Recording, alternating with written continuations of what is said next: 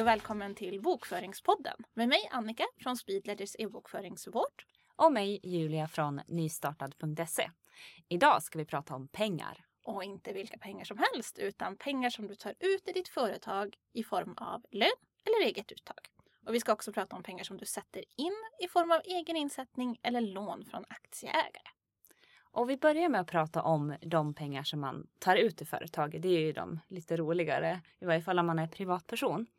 Eh, vi kommer inte prata något om aktieutdelning just idag utan håller oss till de lite mer vanliga och löpande formerna av pengauttag som är just lön och eget uttag. Då. Så eh, vad är skillnaden mellan det här med lön och eget uttag då?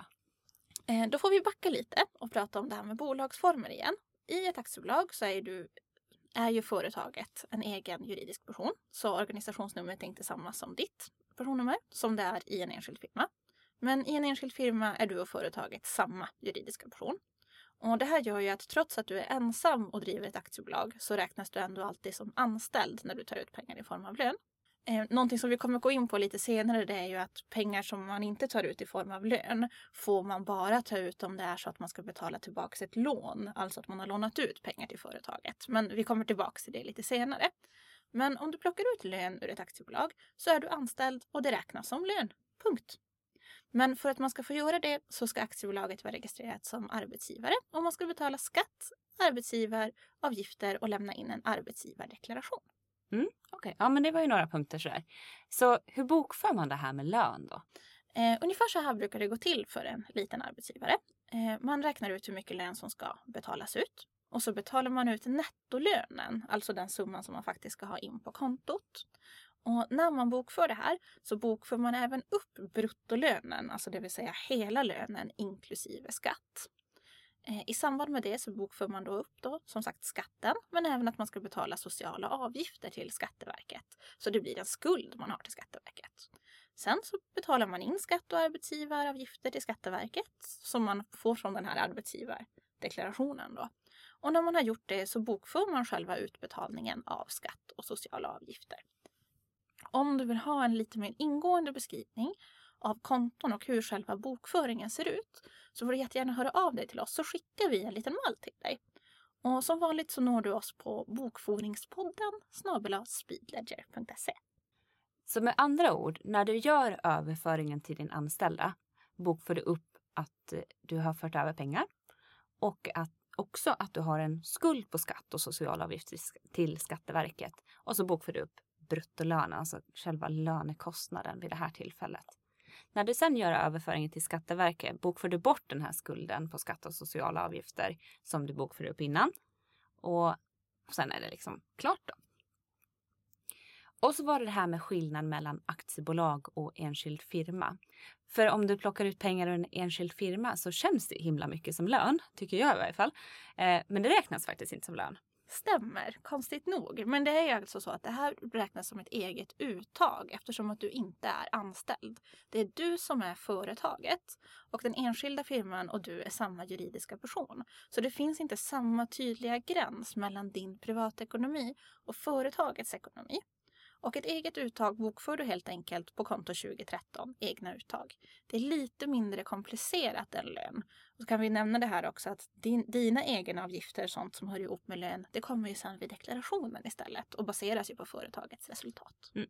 Men när, när du gör själva utbetalningen till dig själv så är det ju liksom, det känns ju mycket mindre komplicerat än att betala ut lön kan jag tycka många gånger. När man gör själva bokföringen i varje fall. Ja, det är ju bara att betala ut dem och så är det ett eget uttag. Ja, precis. Sen är det ju faktiskt svårare att se hur ett eget uttag påverkar resultatet eftersom just det här 2013 egna uttagkontot, det är ett balanskonto och då syns det bara i din balansrapport och inte i din resultatrapport. Så därför är det viktigt att hålla koll på att du faktiskt har tillräckligt med pengar kvar i slutet av året för att betala just skatt och de här egenavgifterna. Och det har vi faktiskt ett verktyg för på Nystartad. Det heter lönekalkylatorn. Jag måste pitcha in det här så att gå in och kika där. Den funkar jättebra. Eh, så nystartad.se och gå in på lönekalkylatorn så kan du hålla koll lite på att du faktiskt har pengar på kontot när du ska betala egenavgifterna för dig som är enskild firma. Det är faktiskt ett väldigt bra verktyg för det kan vara svårt att veta hur mycket lön man faktiskt kan ta ut. Och då säger jag lön inom situationstecken då för en enskild firma. Ja, precis. Så eget uttag menar du egentligen va? Precis. Ja, just det. Eh, Men om du däremot har anställda i din enskilda firma så får ju de såklart lön. Hoppas vi i alla fall, annars är det fyrskäms på dig. Mhm. Men då är den enskilda firman registrerad som arbetsgivare åt de här personerna. Men du som ägare av firman gör fortfarande bara egna uttag. Du kan inte vara anställd i din egna enskilda firma. Precis. Så där hade du en liten kort intro till det här med lön och eget uttag och hur det funkar.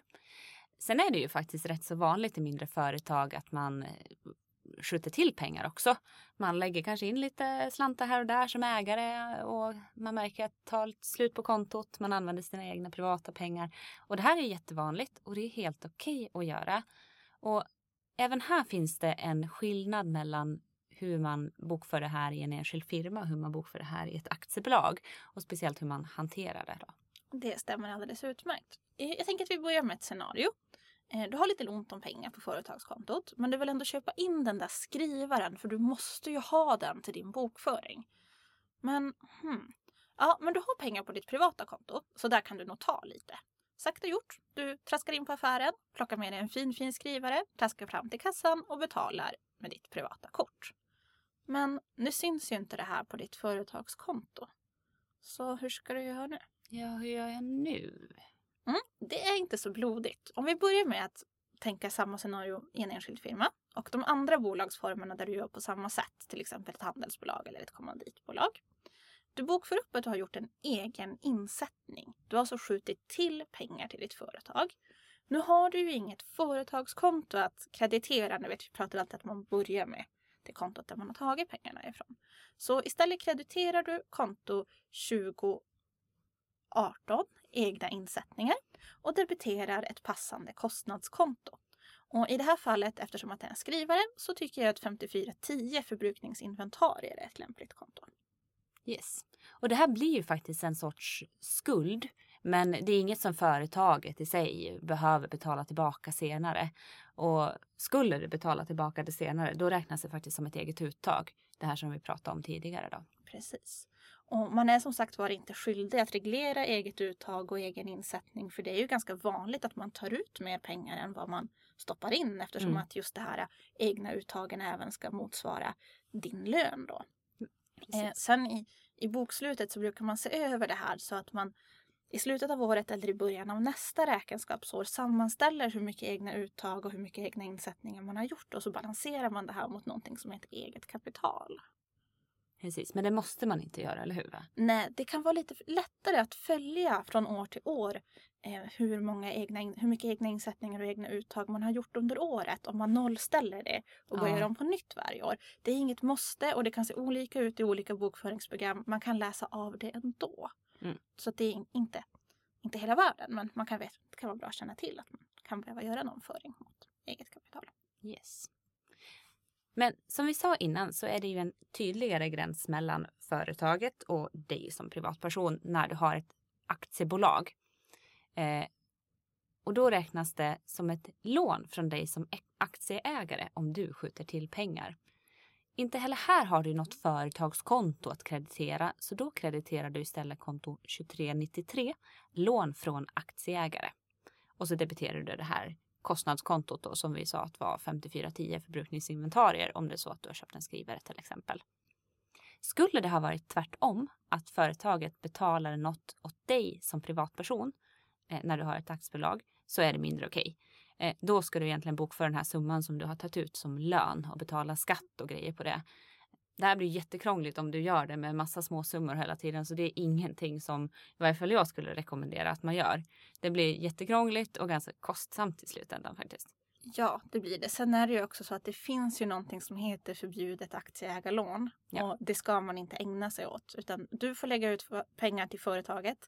Men företaget får inte lägga ut pengar åt dig. Så det är lika bra att liksom dra, hårdra gränsen där. Att syssla inte med den typen av utlägg.